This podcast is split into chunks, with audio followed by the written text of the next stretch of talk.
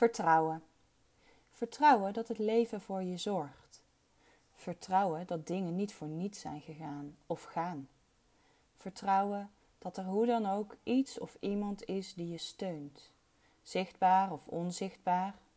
Vertrouwen jezelf laten vallen. Volledig in overgave. Het is een hele grote, spannende en soms vooral ook eng gebeuren. Want wie heeft ons eigenlijk geleerd om te vertrouwen? Als we iets vooral doen, is dat onszelf wantrouwen. Onszelf en het leven, ons hart, ons gevoel. Vaak en lang hebben we dat gedaan wellicht. Maar toch ligt hier een heel groot cadeau in. Dat je door de mist kunt zien dat er voor je gezorgd wordt. Dat je door de sluiers heen kunt voelen dat er licht brandt. En dat het niet uitmaakt wie je bent of wat je doet. Dat je geliefd bent. Dat je mag denken wat je denkt. Dat je mag voelen wat je voelt.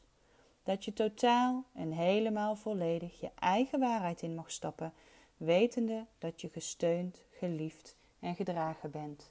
Zichtbaar of onzichtbaar. Voel maar in je hart.